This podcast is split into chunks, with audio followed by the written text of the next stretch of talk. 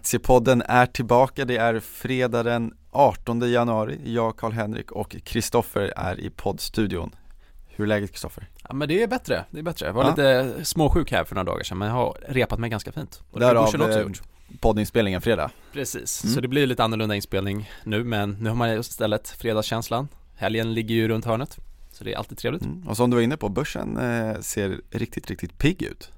Upp 1% i talande stund. Ja men det är positiva tongångar. Ända sedan, eh, vad ska vi kalla det, julaftonsmassakern så har det varit väldigt positivt. Eh, man kan väl säga att det har varit eh, lite återhämtning ändå, för vi har förlorat otroligt mycket mark i december där eh, i USA om inget annat. Eh, för det var ju så under större delen av 2018 så var ju USA den starkaste marknaden man höll emot så länge men till slut så föll man ihop där i december. Men och man det har ju smittat av sig på övriga marknader då. Ja men precis, eh, och Asien har ju varit svagt Mm. under en längre tid och vi ser ju här att statistiken som kommer in i Kina är ju oro, oroväckande. Det är svagt på alla, på alla delar egentligen, bilförsäljningen, tittar vi kreditgivning, allt möjligt så ser det inte så jättetrevligt ut faktiskt. Nej, det gör ju verkligen inte det och ändå så försöker de ju stimulera igång ekonomin nu på alla möjliga sätt. Framförallt finanspolitiskt, men det verkar inte, det kanske drö- dröjer ett tag innan det biter, men det ser ju verkligen som du säger, siffrorna nu ser ju oroväckande ut. Mm, och man gjorde ju en penningpolitisk injektion här för några dagar sedan på 84 miljarder dollar motsvarande då, eller ja, över 500 miljarder renminbi då. Mm. Eh, Så man, man försöker desperat få igång Mm. någon form av eh, ekonomisk expansion igen eller åtminstone rädda tillväxten eh, Ja. eller få igång tillväxthjulen kan man väl kalla det. Och det som i alla fall kanske är lite positivt är ju faktiskt att inflationen ändå håller sig väldigt låg, kring 1,5% ganska stadigt, vilket gör att då, då är det lite lättare att agera både penningpolitiskt och eh, finanspolitiskt. Tänker du i Eh, Kina då? I, I Kina ja. Ja, precis. Ja. Eh, men okej, men det, ja, vi, vi har ju pratat i tidigare poddar om att det har varit översålt i många aktier som har blivit rejält nedtryckta. Badbollen har tryckts långt under vattenytan. Så att, men är det bara en, en dead cat bounce, en bullcrap vi ser nu eller jag menar vinstvarningarna duggar tätt och det finns ju fortfarande risk även om analytikerna har justerat ner många framåtblickande vinster så kanske det är risk för ännu större nedrevideringar. Så ska vi säga att det finns liksom några fundamenta som är stöd åt den uppgången. Vi har en rapportperiod som drar igång nu om inte annat. Mm. ja men precis, vi såg ju här, amerikanska bankerna kom ju in den här veckan som Mm. vi pratade om förra veckan. Generellt bra rapporter. Generellt sett bra, men Mm. tittar man, eh, ja de är bra jämfört med förväntansbilden, Ja. men tittar man exempelvis JP Morgans rapport så var det ganska nedslående faktiskt. Första, första rapporten på ja, tio kvartal någonting som man faktiskt kommer ganska rejält under förväntan. Ehm, och sen så var ju Goldman bättre och Citigroup var ju också lite bättre än förväntat men tittar vi i Citigroups rapport exempelvis så vi, ser ju fallande räntenetto och man har ju ändå varit ganska hårda på kostnadssidan så det blev ju ändå bra totalt sett men men det är ändå svårt att liksom bygga något bullish case när inte det finns den här eh, positiva trenden i räntenettot. I, Och då hamnar man ju lätt att titta på värderingen. Då börjar man prata om att det ser billigt ut överallt. Eh, Så att det är ju det är frågan om vilka som har, som har rätt här, om det är analytikerna eller om det är eh, börsen ändå. Ja men precis. Eh, man brukar ju säga att Alltså den här datan vi har haft den är ju eh, Det finns ju viss framåtblickande data och det, det ser inte jättetrevligt ut om vi tittar på ja, mer mjukdata eller liksom, ja, framåtblickande indikatorer. Mm. Medan de andra indikatorerna liksom, för marknaden sker ju, marknadsprissättning sker ju i realtid. Eh, Och det ska man också ha tanke på att, att marknaden är ju en stor vad ska vi kalla, en stor maskin som tar in information och försöker bearbeta den här informationen och göra rätta tolkningar vad som väntar härnäst. Och tittar vi på statistiken så pekar det på att trenden är neråt helt Mm. enkelt. Och det ser ut som att vi har fått en studs här. Hur uthållig den kommer vara, lite oklart. Eh, vi tror ju kanske inte att den här studsen kommer hålla sig jättelänge till. Om, om vi inte får väldigt starka rapporter. Mm. Men det såg vi förra, förra mm, rapportsäsongen att även bra rapporter bestraffades hårt. Liksom, Ja just- och även bra outlook dessutom. Mm. Det var liksom som att det inte spelade någon roll att marknaden inte trodde på de här utsikterna. Volvo var ett bra exempel som vi pratade om då faktiskt. Starka siffror och positiv outlook men eh, marknaden eh, köpte inte det. Nej, och, och, och det är ju så viktigt med psykologi i det här spelet också för det Psykologin ligger ju där och man, om man tänker att ah, men det här, det blir inte bättre än så här det är liksom Konjunkturen står i senigt, det kan bara bli sämre Då vill man inte betala, ska vi säga, toppdollar för, eh, för vissa aktier eh, och vissa bolag eh. Nej och sen så är det ju så när vi, nu har vi börjat sett vinsterna juster- justeras ner och ofta när man ser sån här vinstnedrevideringstrend Det är ganska jobbigt att gå emot den För den brukar också bli längre, man precis som på Brukar den överskjuta på uppsidan så brukar den göra det på nedsidan också så att det mm, Och sen, Knepigt. det är farligt också att bara titta på värderingsnivån i liksom, bara siffermässigt. För det är ju, självklart finns ett bolag bakom. Det kan ju, man måste också ställa sig frågan, okej vad är det för typ av kvalitet på det här bolaget? Finns det intäktsstabilitet? Är det inte det? Eh, Kommer det liksom botten falla ut nästa år? Det kan ju vara P9 i år men kanske P18 om vinsten halveras nästa år. Vill man äga det? Kanske inte. Och då blir de finansiella musklerna också viktigare för bolagen och det lär vi väl få se också om vi går in i en lite tuffare period även i ekonomin så brukar ju de bolagen som har stabilare balansräkning brukar ju också klara sig bättre av en anledning.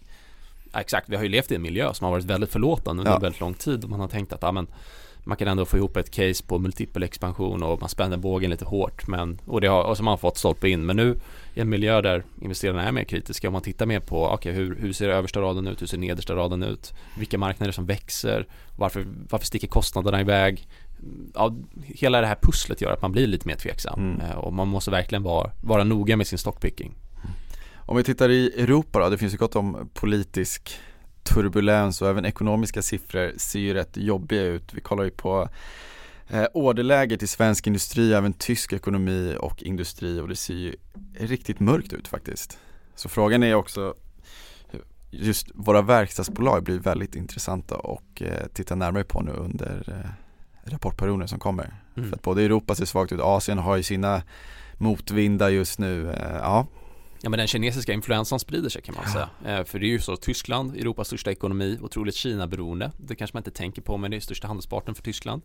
Eh, och tittar vi industrikonjunkturen i Tyskland så ser den ju förskräcklig ut. Alltså den är inne i teknisk recession. och Eh, Tyskland är då i sin tur Sveriges största handelspartner. Ja men precis. Så, Mm. ja, Tyskland och Norge kämpar ju om Mm. Sveriges största handelspartner. Men, men det är liksom Ja, jag, jag tror att det kommer vara ganska jobbigt. Och sen så har vi ju, vi har ju talat om det tidigare med fordonsindustrin, Tyskland. Otroligt viktig industri för den tyska ekonomin. Eh, man har ju halkat efter i digitaliseringen och elbilstrenden, det vet vi ju. Eh, har svårt att få ut eh, bärkraftiga modeller. Dieselskandalen ligger fortfarande och skaver. Man har ju väldigt effektiva liksom, motorer och så, men det är ju mot det fossila hållet. Eh, så man måste ställa om hela sin, hela sin produktionsapparat. Och det har ju gått väldigt trögt. och det har gått trögt och, Mm. och det tar tid också. Det är, Mm. det att ha de här batterierna och det är, det är en ganska omständig process faktiskt. Det är inte så någonting man vänder. Man har haft en teknologi som man har förfinat och utvecklat i ja, hundra år så, så ska man sen helt plötsligt bara skrota den och börja med en ny teknologi. Eh, Det, det är inte det lättaste. Men du, eh, centralbanker är också väldigt stort fokus på just nu. Eh, och frågan är om vi ska kunna undvika en recession här eller inte. Kommer centralbankerna kunna göra någonting egentligen? Ja, vi, vi skriver ju om det i eh, Bullbear här i tidningen som kommer Exakt. nästa vecka. Eh, och, och vi kanske inte ska avslöja för mycket men det är ett, eh, en otroligt intressant diskussion som är för där. Om, om de faktiskt kommer kunna rädda oss denna gång. Alla räknar ju kallt med att de bara ifall krisen anländer att de ska kunna trycka upp några nya biljoner eh, i QE då eh, och att man ska kunna slasha räntorna ner till noll eller minus igen. Eh, men det kanske inte är så enkelt för vi ser den här vi kalla den sociala eller politiska revolten. Mm. I Frankrike så har vi Gilets jaunes, alltså de gula västarna och det sprider sig. Det är inte bara i Frankrike nu utan det har spridit sig till Belgien och andra, andra ställen. För allmänheten har liksom börjat förstå att, eh, att de kanske är förloraren i den här storyn. I alla fall de som inte har tillgångar. Alltså eh, i Tyskland exempelvis så är det ju väldigt få som äger aktier. Eh, det är bara 10% av befolkningen någonting som, som faktiskt äger aktier. Det är så pass lite. Det är så pass lite. Eh, och resterande är liksom kontosparande. Så då kan man ju förstå att det finns en frustration när det är nollräntor på konton. Man ser att priserna på fastigheter och värdepapper har stigit. Man har liksom halkat efter. Och man kan inte riktigt förstå var, var, varifrån kommer det här. Samtidigt som priserna på, ja, på livsmedel kanske inte har stuckit så mycket. Men de, det är ändå på väg uppåt så att säga. Det, är- det är ju ingen nollinflation. Nej, och ska vi undvika en recession då, då känns det som att centralbankerna faktiskt inte kan strypa likviditetstillförseln mer egentligen. Och jag menar, nu har vi sett kinesiska centralbanken vara lite mer stimulativa, Fed lite mjukare helt plötsligt. Eh, men samtidigt, jag menar Fed fortsätter ju att banta sin balansräkning. ECB ska sluta stödköpa i Europa. Det finns ganska bra korrelation där också med en sämre börs. Mm, absolut. Eh, så det, det är en jobbig motvind där också. Ja, vi, vi lever i en ny makroregim just med QT istället för QE. Eh, framförallt i USA och Mm. USA är den viktigaste, viktigaste pusselbiten eftersom dollarn är världens reservvaluta och det finns mycket lån i dollar. Eh, så det är klart att när man tar bort dollarlikviditet att det påverkar hela systemet och det såg vi också eh, när de här tillväxtekonomierna som har lånat mycket i dollar började smälla liksom. Eh, det, det sammanföll ju ganska väl med QT. Mm. Vi går över och kollar lite aktier. Ja.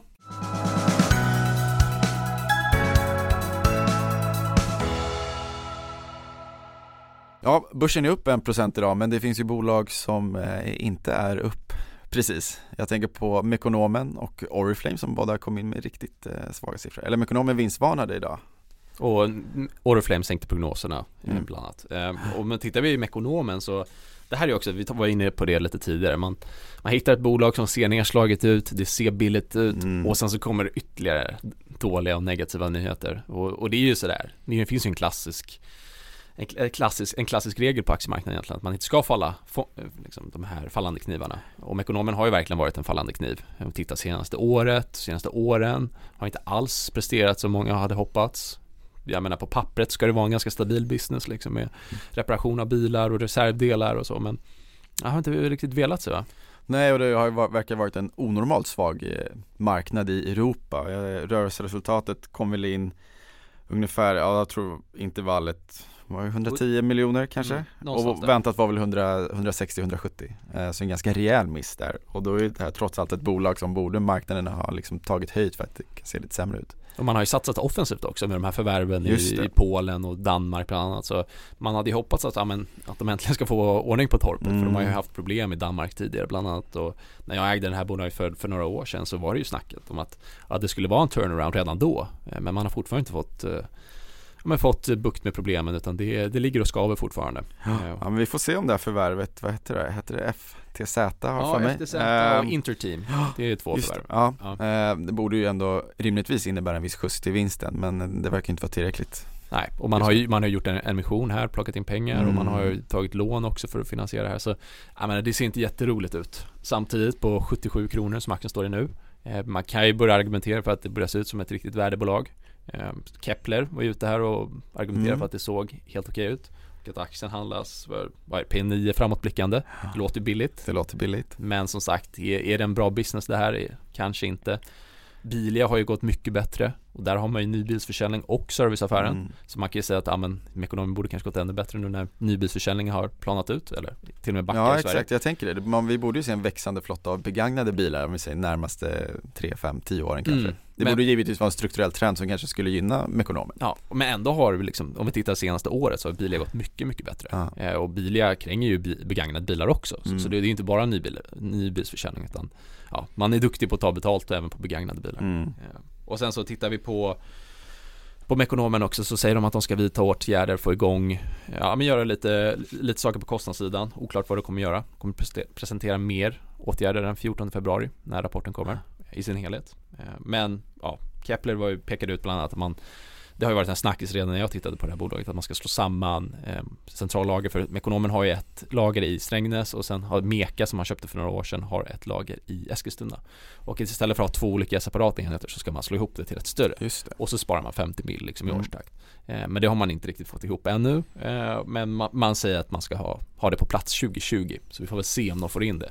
Eh, kostnadsbesparing på 50 mil är ändå, ja det är ändå, det gör skillnad för, för, för det här bolaget. Så det finns ju vissa kanske triggers längre fram men inte riktigt eh, Man blir inte riktigt köpsugen nu i alla fall kanske Trots Nej. låg värdering Nej som sagt, fallande kniv. Jag, jag vill gärna se att det har bottnat ur Ja. innan, innan jag köper. Då kan det vara värt att missa 10-15% på uppsidan för Ja. att få se att det faktiskt har vänt i bolaget Precis, för några år sedan så hade jag kanske slängt mig på köpknappen redan nu. Ja. Men nu när man har blivit lite mer ärrad och lite mer erfaren så förstår man att Ja men det, sådana här saker brukar ta tid innan man löser dem. Eh, Så, så det gäller att ha lite is i magen och vänta ut det istället. För jag menar om konjunkturen packar ihop så är det mycket möjligt att multiplarna kontraherar ytterligare. Mm. Så även om, ja, så det finns ingen, finns ingen anledning att liksom bråska in det eller skynda in det här.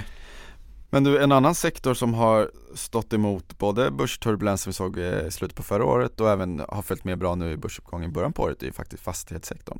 Eh, vi äger ju Wihlborgs i korta portföljen, trendar jättefint uppåt, eh, ser ju väldigt stark efterfrågan nere i södra Sverige och Köpenhamn?